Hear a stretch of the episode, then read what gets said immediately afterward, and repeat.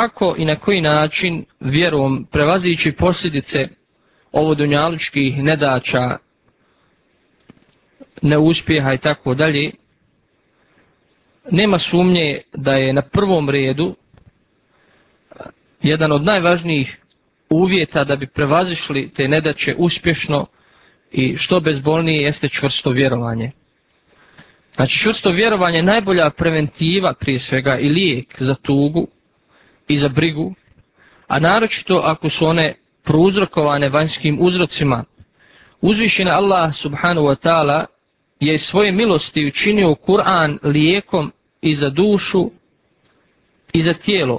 Pa u suri Yunus kaže, o ljudi, već vam je stigla poruka od gospodara vašeg i lijek za ono što je u vašim prsima i upustvo i milost vjernicima. Kur'an nadprirodno djeluje na ljudsku dušu i ljudske misli.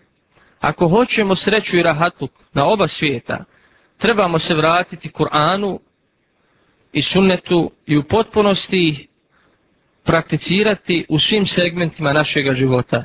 Samo na taj način ćemo moći ostvariti našu ovodunjalučku sreću, rahatluk i samo ćemo na taj način prevazići naše ovodunjalučke nedaće i probleme.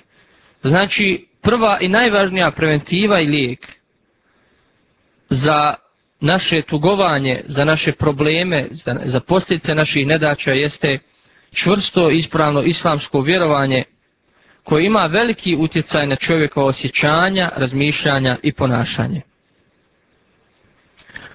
U islamsko vjerovanje prije svega spada vjerovanje u Allahu Đelešanu u odredbu ili određenje, odnosno u šesti, šesti imanski šart, obil kaderi hajrihi ve šerdihi min Allahi ta'ala, da sve što se događa, izbiva, da, da se događa uz Allahovu volju određenje, predodređenje i Allahov nadzor. Ništa Allahu ne izmiče. Svaki događaj ima svoj smisao, ima svoje zašto. Ovo vjerovanje ne dozvoljava čovjeku da tuga i žalost savladaju, znači njegovu nadu, da savladaju njegovu vjeru, jer on je svjestan da ne može utjecati na tok nekih stvari u svome životu, iako ima slobodnu volju i slobodno djelovanje. Prenosi se od Ibn Abbasa radijallahu ta'ala anhu da je poslanik sallallahu ta'ala alaihi wasallam rekao znaj da kada bi se svi ljudi okupili da ti kakvu korist pribave, neće ti pribaviti osim onoliko koliko ti Allah odredio. I kada bi se svi ljudi okupili da ti nešto naude, neće ti nauditi osim onoliko koliko je Allah odredio. U drugoj predaji stoji da je poslanik alaihi salatu wasalam rekao znaj da ono što te zadesilo nije te moglo ni, ni mimoići, a ono što te mimoišlo nije te, nije te moglo ni zadesiti. Kada smo svjesni da su događaja izbivanja već predodređena i zapisana, zašto da mnogo žalimo i zašto da se bojimo i da strahujemo od ljudi kada znamo da nam ne mogu koristiti niti nauditi osim onoliko koliko je Allah odredio. Kaže uzvišeni subhanahu wa ta'ala, nema nevolje koja zadesi zemlju i vas, a koja nije prije nego što je damo zapisana u knjizi, to je Allahu u istinu lahko, da ne biste tugovali za onim što vam je promaklo i da se ne biste previše radovali onome što vam on dadne, Allah ne voli nikakve razmetljice hvalisavce.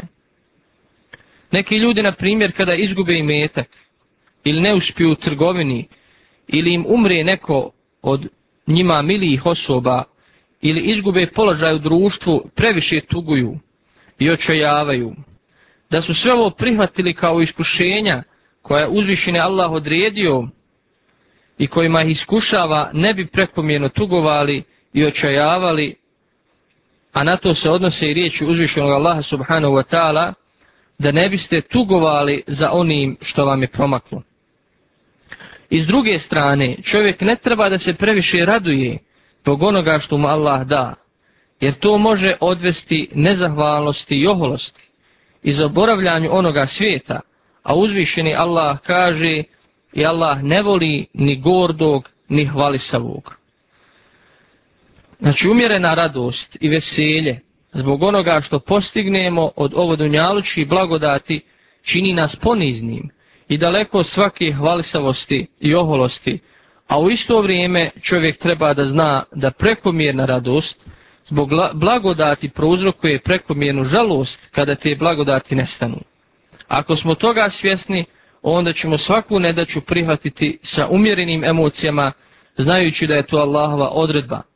Ako sa umjerenim emocijama prihvatamo nedaće i radosti, onda ćemo živjeti jednim smirenim i uravnoteženim životom.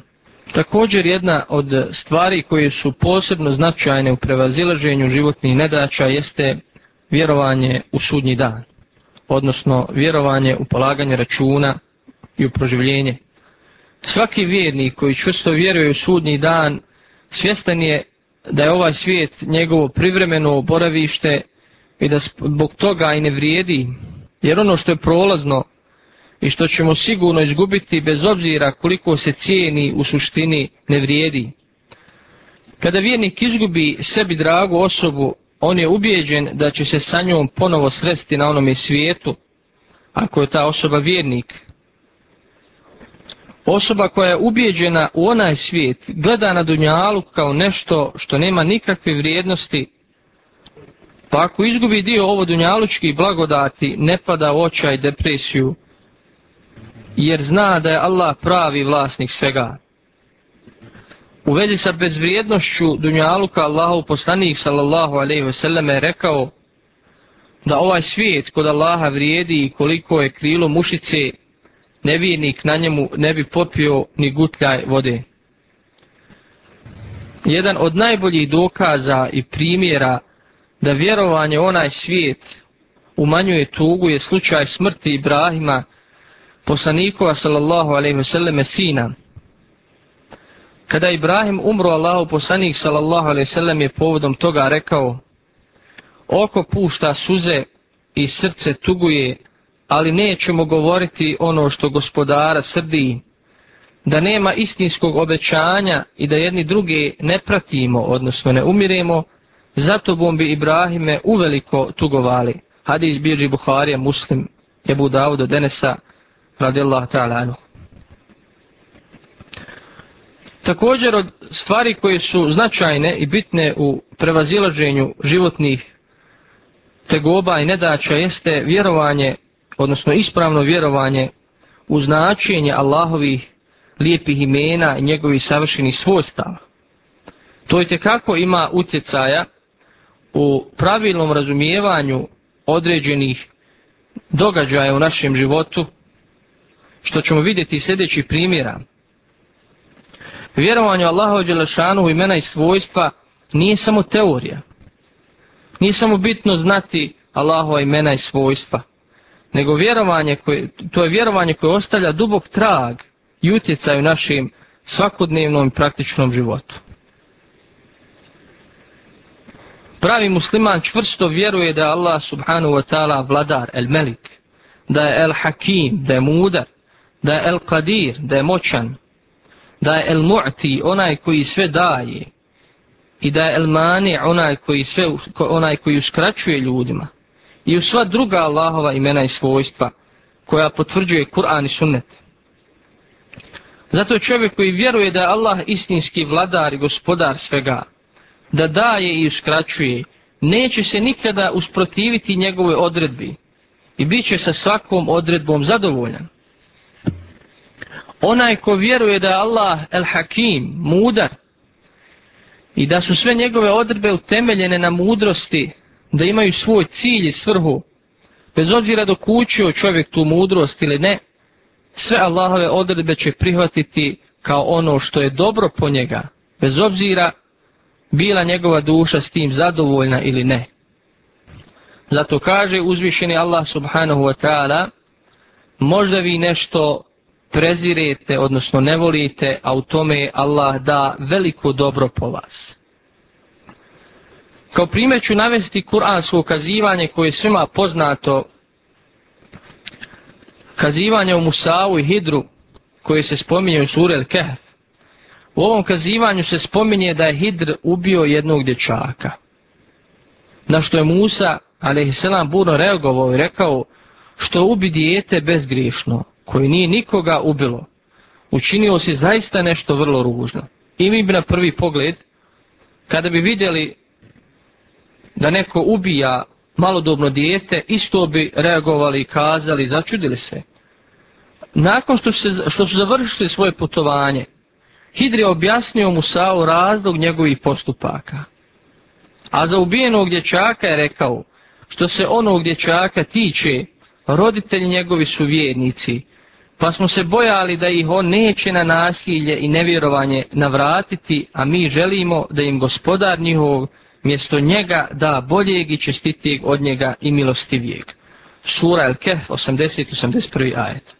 Ovaj događaj je posebno zanimljiv i važno istaknuti da postoji razmoilaženje među islamskim učenjacima, da li je Hidr bio vjerovjesnik ili je bio pobožan, samo pobožan čovjek.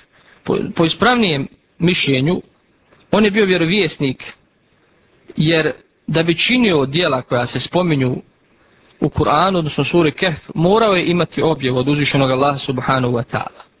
Kao još jedan primjer da često u životu stvari koje prezirujemo i ne volimo budu dobre po nas, znači u, našoj, u njihovoj kona, konačnici, naveću znači primjer i slučaj čovjeka koji je Allahom odredbom izbjegao avionsku nesreću. Spominje je doktor Abdullah Al-Hatir u svojoj knjizi Tuga i depresija u svjetlu Kur'ana i sunneta svoj razgovor sa čovjekom koji je zbog kašnjenja na avion izbjegao avionsku nesreću. Inače ta avionska nesreća se dogodila 1989. godine na Rijaskom aerodromu i u njoj je poginulo, poginulo 301 putnik. Čovjek koji smo spomenuli spominje kako se desilo da zakasni pa kaže Imao sam namjeru da putujem tim letom, međutim, kada sam stigao na aerodrom i ostavio auto na parkingu, sjetio sam se da sam greškom ključ od auta ostavio unutar auta. Vratio sam se i potrošio sam neko vrijeme tražeći načina da izvedim ključ, a u isto vrijeme sam strahovao da ne zakasnim na let, jer bio mi je veoma važan. Kada sam uspio izvediti ključ, odmah sam se zaputio prema sali za odlaske, ali kasno. Avion je već odletio. To me mnogo uznemirilo, ražalostilo i zabrnulo, ali ubrzo nakon toga iznenađen sam vješću da je avion neposredno nakon uzletanja pao i izgorio. Nakon svega ovoga sam rekao hvala Allahu koji mi je podario novi život. Znači u mnogim životnim primjerima vidimo da, da određeni događaje koje ne volimo, koje prezrijemo u stvari budu korisni i budu dobri jeli, za nas.